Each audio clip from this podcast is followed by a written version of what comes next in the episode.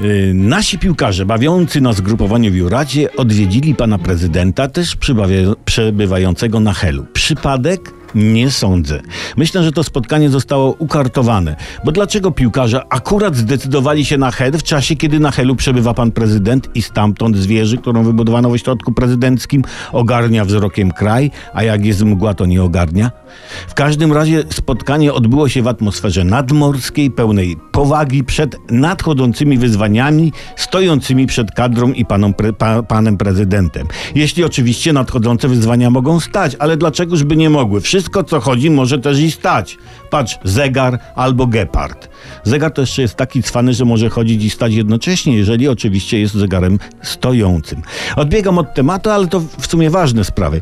Piłkarze wręczyli panu prezydentowi koszulkę, a pan prezydent piłkarzom flagę i list. Co to był za list?